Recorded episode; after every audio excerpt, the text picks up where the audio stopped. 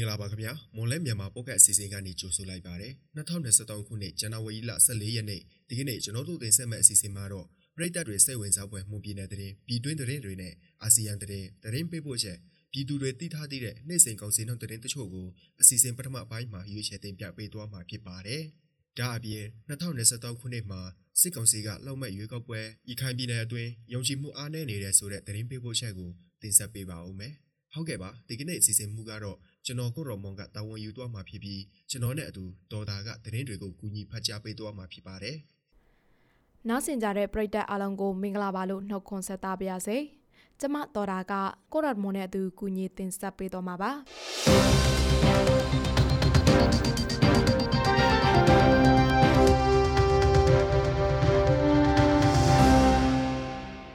မော်လမြိုင်လေးဆိုင်အနီးကဈေးဆိုင်ခန်းတွေကိုတလအတွင်းဖျက်သိမ်းပေးဖို့ စစ်ကောင်စီကညွှန်ကြားထားတယ်လို့သိရပါတယ်။အဲ့ဒီဈေးဆိုင်ခန်းတွေဟာဇန်နဝါရီလပထမပတ်ကနေစတင်ပြီးဖေဖော်ဝါရီပထမပတ်ထိနောက်ဆုံးထားဖျက်သိမ်းပေးရမယ်လို့စစ်ကောင်စီကဖိအားပေးလာတာဖြစ်ပါတယ်။ မော်လမြိုင်လေးဆိုင်နေရှိစေဆိုင်ခန်းတွေကိုစစ်ကောင်စီလေကြောင်းပို့ဆောင်ရေးညွှန်ကြားမှုဦးစီးဌာနကနေရာကျဝန်းပေါ်မူတည်ပြီးတလကိုကျပ်6000ကနေကျပ်9သိန်းလောက်ထိကောက်ခံနေတာဖြစ်ပါတယ်။စစ်ကောင်စီကဖျက်သိမ်းခိုင်းတဲ့မော်လမြိုင်လေးဆိုင်နေပတ်ဝန်းကျင်မှာတော့ဈေးဆိုင်ခန်းတွေအနေနဲ့ထမင်းဆိုင်လက်ဖက်ရည်ဆိုင်ကောင်ပစ္စည်းဆိုင်ဆိုင်ကယ်ပြင်ဆိုင်ပန်းဆိုင်တွေပါဝင်ဆိုင်ခန်းပေါင်း60ထက်မနည်းရှိနေတာဖြစ်ပါတယ်တနင်္သာရီတိုင်းဒေသကြီးတနင်္သာရီမြို့နယ် ပဝကြီးရွာမှာမနေ့ကမင်္ဂလာဆောင်ဖို့ရှိတဲ့သူတို့သားကိုအမည်မသိလူနှစ်ယောက်ကတနက်နဲ့ပြစ်ခတ်ခဲ့တယ်လို့ဒေသခံတွေထံကသိရပါဗျ။ပြစ်သက်ခံရတဲ့အမျိုးသားမှာမောင်နှင်းထုံးပြီးပြီးသူဟာပဝကြီးရွာမှာဆိုင်ကယ်မောင်းနေလာချိန်အနောက်ကအမည်မသိလူနှစ်ဦးကတနက်နဲ့ပြစ်ခတ်ခဲ့တာဖြစ်တယ်လို့ဆိုပါတယ်။ တနက်ပြစ်ကခံရမှုကြောင့်ခန္ဓာကိုယ်နဲ့ဦးခေါင်းကိုကြီးထိမှန်ပြီးအခင်းဖြစ်ရနေရမှာပင်ပွဲချင်းပြီးသေဆုံးသွားခဲ့တယ်လို့နီးစပ်တဲ့ဒေတာခံတွေကပြောပါတယ်။တနက်နဲ့ပြစ်ခတ်သွားခဲ့တယ်လို့ယူဆရတဲ့သူနှစ်ဦးကိုတနအီသွင်းမှာပဲ PDF တပ်ဖွဲ့တွေဘက်ကဖမ်းဆီးရမိခဲ့ပြီးညောင်ပင်ကွင်းကျေးရွာကဒေတာခံတွေဖြစ်တယ်လို့သိရပါတယ်။ရန်ကုန်တိုင်းမော်ဘီမြို့နယ်က Grand Royal အရက်ချက်ဆက်ရောင်မနေ့ကနေ့လယ်3နာရီကျော်ကမိအကြီးကျယ်လုံကျွမ်းခဲ့ပါတယ်။ မိလုံမှုအစီတောင်းထိရှိခဲ့တာကြောင့်မိသက်ရင်တွေအစီ60မိသက်ဖွဲ့ဝင်အယောက်950နီးပါးနဲ့တနာရီခွဲကျော်ကြာမိသက်ခဲ့ရတယ်လို့မိသက်ဌာနကထုတ်ပြန်ပါတယ်။ဂါလန်9တောင်းစားတဲ့အရက်စီကန်တွေဂိုတောင်တွေမိလုံပောက်ကွဲခဲလို့မိသက်ဖွဲ့ဝင်12ဦးတန်ရာရသွားတယ်လို့လည်းဆိုပါတယ်။မိစားတင်လုံကျွမ်းခဲ့ရတဲ့အကြောင်းရင်းကိုတော့မသိရသေးပါဘူး။ချင်းမျိုးသားတပ်ဦး CNF ဌာနချုပ်ကိုစစ်ကောင်စီက လေကြောင်းကနေပုံကျဲတိုက်ခိုက်ခဲ့ချိန်ထိခိုက်ဒေဆုံးမှုတွေရှိခဲ့တဲ့ပေါ့ဝမ်းနေတဲ့အနေနဲ့ချင်းမီနယ်ဟာခါမျိုးကဈေးဆိုင်တွေဇန်နဝါရီလ၁ရက်နေ့ကပိတ်ထားခဲ့တာကြောင့်စစ်ကောင်စီကတနေ့ကဈေးဆိုင်စစ်တဆိုင်ကိုချိတ်ပိတ်သိမ်းစီလိုက်ပြီးဆိုင်ပါရှင်၁၁ဦးကိုလည်းဖမ်းဆီးလိုက်တယ်လို့ဒေတာခန်တွေကပြောပါတယ် ပြီးခဲ့တဲ့ဇန်နဝါရီလ17ရက်နေ့ကစိုင်းပိတ်တူတွေကိုစိုင်းသိမ်းမယ်လို့စစ်ကောင်စီတပ်ကချင်းချောက်ပြောဆိုခဲ့တာကြောင့်အဲ့ဒီနေ့မိုးလွယ်တနာရီနောက်ပိုင်းမှာစိုင်းပြန်ဖွေတူတချို့တွေရှိကြတယ်လို့မဖွေဘဲတနေကောင်ပိတ်ထားတဲ့လူတွေလည်းရှိခဲ့ကြပါတယ်မိုးလက်တနာရီနောက်ပိုင်းပိတ်ထားတဲ့ဆိုင်ကန်တွေကိုစစ်ကောင်စီတပ်သားတွေကတပ်ပုံတွေလိုက်ရိုက်ခဲ့ပြီးဇန်နဝါရီလ12ရက်နေ့နေ့လယ်ကချိတ်ပိတ်သိမ်းစီကြောင်းဇာတွေလက်ကတ်သွားတာလို့ဒေတာခန်တွေကပြောပါတယ်။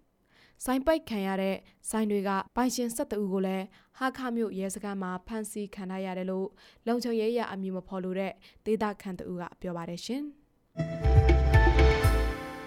ရခိုင်ပြည်နယ်မှာအိန္ဒိယနိုင်ငံကတာဝန်ယူတည်ဆောက်ထားတဲ့စစ်တွေစိတ်ကမ်းကနေဘင်္ဂလားဒေ့ရှ်နိုင်ငံနဲ့စစ်တွေမှုကိုမနေ့ကစတင်လိုက်တယ်လို့ကောင်တဲ့တိုင်းဝိုင်းကပြောပါတယ်။ရ ခိုင်ပြည်နယ်ကထွက်ရှိတဲ့စံတိုင်ချိန်2665တန်စံအိုက်ပေါင်း9300တင်ဆောင်ထားတဲ့ MC11 ကောင်တင်တင်ပေါ်ကြီးဟာ စစ်တွေစိတ်ကမ်းကနေဘင်္ဂလားဒေ့ရှ်နိုင်ငံစစ်တကောင်းစိတ်ကမ်းကိုမနေ့ကစတင်ထွက်ခွာသွားတာလို့ကုန်တယ်ဦးကပြောပါတယ်။လက်ရှိမှာစစ်ပွဲတွေရက်စဲထားတာကြောင့်ချင်းပြည်နယ်အတွင်းချန်ရှိနေတဲ့စီမံကိန်းစိတ်ပိုင်းတွေကိုလည်းစက်ပြစ်ကောင်တယ်ပေါ်နေပြီဖြစ်လို့စီမံကိန်းနဲ့နှိစက်သူတွေကပြောပါတယ်။ဒီစီမံကိန်းကိုအိန္ဒိယနဲ့မြန်မာကြား2008ခုနှစ်တဘောတူလက်မှတ်ရေးထိုးပြီး2009ခုနှစ်မှာစတင်ကောင်တယ်ပေါ်ခဲ့တာဖြစ်ပါတယ်။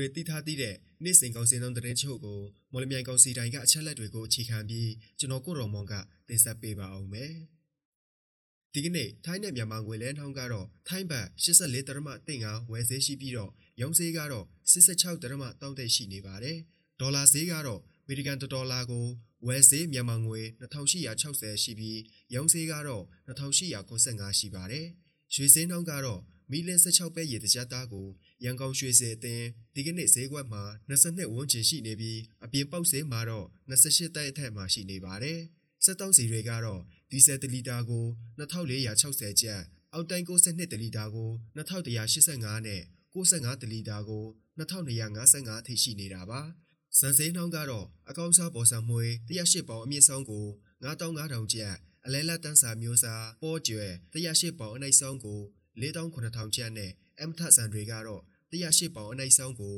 4500ကျပ်နဲ့အမြင့်ဆုံးကို42,500ထိရှိနေပါတယ်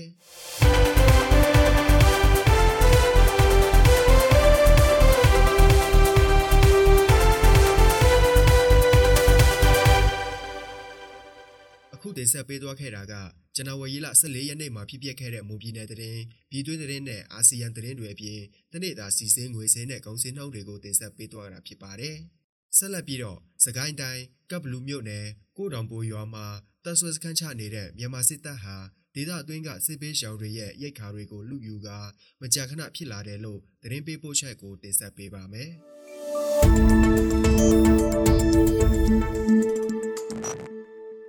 ကပလူမျိုးနဲ့ကိုထောင်ပိုရွာမှာတပ်ဆွာထားတဲ့မြန်မာစစ်ကောင်စီတပ်ဟာကိုထောင်ပိုတိုက်နယ်တွင်မှရှိတဲ့ကြေးရွာတွေကိုမကြာခဏနယ်မြေရှင်းလင်းပြီးရွာတွေကိုမိရှို့တာနဲ့ဒေသခံတွေကိုဖမ်းဆီးတာမျိုးတွေလုပ်လို့ရှိတာကြောင့်ဒေသခံတွေဟာကြေးရွာတွေမှာမနေရဲပဲ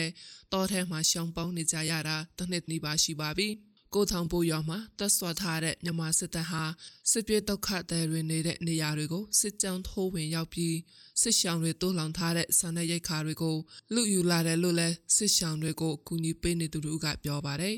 ဒီဘက်ကျွန်တော်တို့စစ်ကြောင်းထိုးလို့အင်အား60ကျော်ထိုးတယ်ခုလောလောဆယ်တော့မကြပါဘူးအဲ့ဒီကျွန်တော်တို့ဘုန်းကြီးကျောင်းတွေကိုဝိုက်ပြီးတော့မှပြန်ပြီးတော့မှလက်ပြန်ဆုပ်ပြီးတော့မှထိုးဝင်သွားတယ်တောကျောင်းဆောက်ထားတဲ့စာတင်ကျောင်းလေးတွေနဲ့အဲ့ဘုန်းကြီးကျောင်းနဲ့ ကျွန်တော်တို့အဲ့နားလေးကပြည်သူစစ်ရှောင်နေတဲ့တဲ၄၅6တဲတော့ဝင်သွားတယ်ကျမတော်ဒီကုန်းစစ်ဘေးရှောင်နေကျွန်တော်တို့ဆရာမင်းတဲထိုက်တီကိုထိုးတာအဲ့မှာကျွန်တော်တို့ဒီရွာကရှော်ဒီကုန်းကဘုန်းကြီးကျောင်းကလည်းကျွန်တော်တို့ရွာကျောင်းမနေရတော့တောကျောင်းဆောက်ထားတာဆိုတော့အဲ့တောကျောင်းမှာလည်းကျွန်တော်တို့ဒီစန္ဒရိတ်ခါကစီကောင်းသားတယ်လို့ဖြစ်နေရဆိုတော့အဲ့လိုလာလာပြီးတော့မှထမ်းထမ်းနေဒါပါဆိုရင်ဆရာမအဲ့ဘုန်းကျောင်းကကျွန်တော်တို့သူတို့တဲတော့တာနှစ်ချီရှိသွားပြီ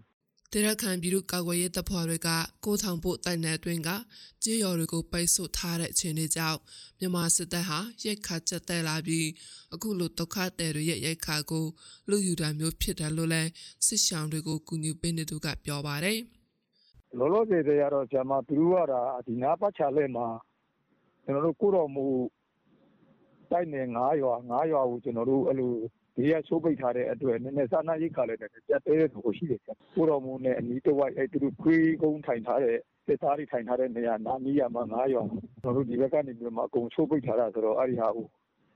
လမ်းကျိုးလေးကကျွန်တော်တို့ဒီနောက်ဘက်ကတလမ်းလေးဖွင့်ထားတာဆိုတော့အဲ့လမ်းကျိုးကိုနည်းနည်းစံတော့ထွက်ခဲ့တဲ့သဘောရှိတယ်မြန်မာစစ်တပ်ကဒုက္ခသည်တွေရဲ့ရိတ်ခါတွေကိုမကြမကြအခုလိုလူယူတဲ့ဖြစ်ပျက်တွေကြောင့်စစ်ပစ်ဒုက္ခသည်တွေအတွက်စားတောက်ရိတ်ခက်ခဲရှိလာတယ်လို့လည်းပြောပါတယ် ကျွန်တော်တို့ဒီတစ်ခေါက်ကတော့ဆရာမမပါသွားဘူးကျွန်တော်တို့ကလည်းအခုပြရှေ့ရနေကျင်းချပြီးတော့မှတောက်လျှောက်ပြည်သူကို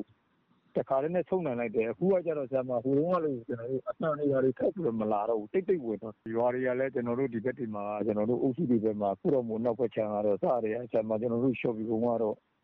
မိရှုထားတာဆိုတော့လူရွာဝင်ရင်လည်းသူတို့မရတော့တာမှပြတ်တာဆိုတော့လူလည်းမနေတော့ဘူးဒီထဲမှာတိုးရီတောင်ထားနေခုလောလောဆယ်လည်းကျွန်တော်တို့ဒါ IPP တွေတိတ်ဟောင်းတဲ့တဲတွေမှာ ဒါဖမ်းပိုးပြီးတော့သွားတာပေါ့ဆရာမသူတို့ရောက်တဲ့ဆိုရင်ရှိတဲ့ပစ္စည်းအကုန်ရှာပြီးတော့မှကျွန်တော်တို့ကပစ္စည်းစားတွေ့ရင်ပစ္စည်းစားတွေ့ရဆန်တွေ့ရင်ဆန်အကုန်ထမ်းသွားတာဆရာမ